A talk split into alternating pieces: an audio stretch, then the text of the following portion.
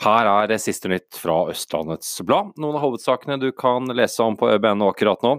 Jeg heter Anders Norheim Dahl, og takk for at du både lytter og leser til ØB i dag.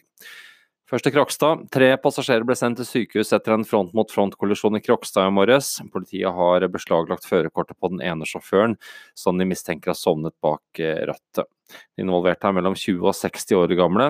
Begge sjåførene hører hjemme i Indre Østfold, mens den ene passasjeren er fra Ski. Og til Vestby. Observante turgåere har kanskje lagt merke til et eh, nytt skilt som har kommet opp på Vanntårnet, rett ved det som før het Norwegian Outlet. Også nettsiden til merkevarebyen har skiftet logo. Ja, nå har de jo for litt kort tid siden skiftet navn til Oslo Fashion Outlet, men fra nå av skal det hete Oslo Fashion Outlet Vestby. Les mer på ØB.no om bakgrunnen for det andre navnebyttet på kort tid. Nedlagte Vestby skole har blitt eh, tilholdssted for ungdomsgjenger. Folk i området er bekymret for aktivitetene. Vinduer knuses hele tiden, ungdommene tar seg inn i bygningene, og det blir stadig funnet både sprøyter og marihuanasneiper, sier en person i området som bor eh, i nærheten der hvor skolen ligger.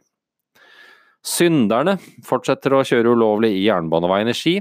På én time tok ØB en slags trafikkontroll, om vi kan kalle det det. Vi noterte 25 biler som kjørte ulovlig gjennom gaten forbi jernbanestasjonen. Senterpartiet foreslår å utsette den nye svømmehallen på Kolbotn og heller bruke pengene på Langhus svømmehall. Vanlig restaurantdrift blir det mindre av på Ingersand bad. Eh, restauranten, vel å merke, når sesongen åpner i dag. Kiosken er i stedet for gjort om til en stor strandkafé og gitt en utvidet meny. Her blir det smørbrød, småretter og kaker. Vi flytter serveringen dit folk er, sier daglig leder Bård Kråkevik. ØB er for øvrig til stede på eh, åpningen av restauranten i dag. Du kan lese mer om det hos oss i kveld.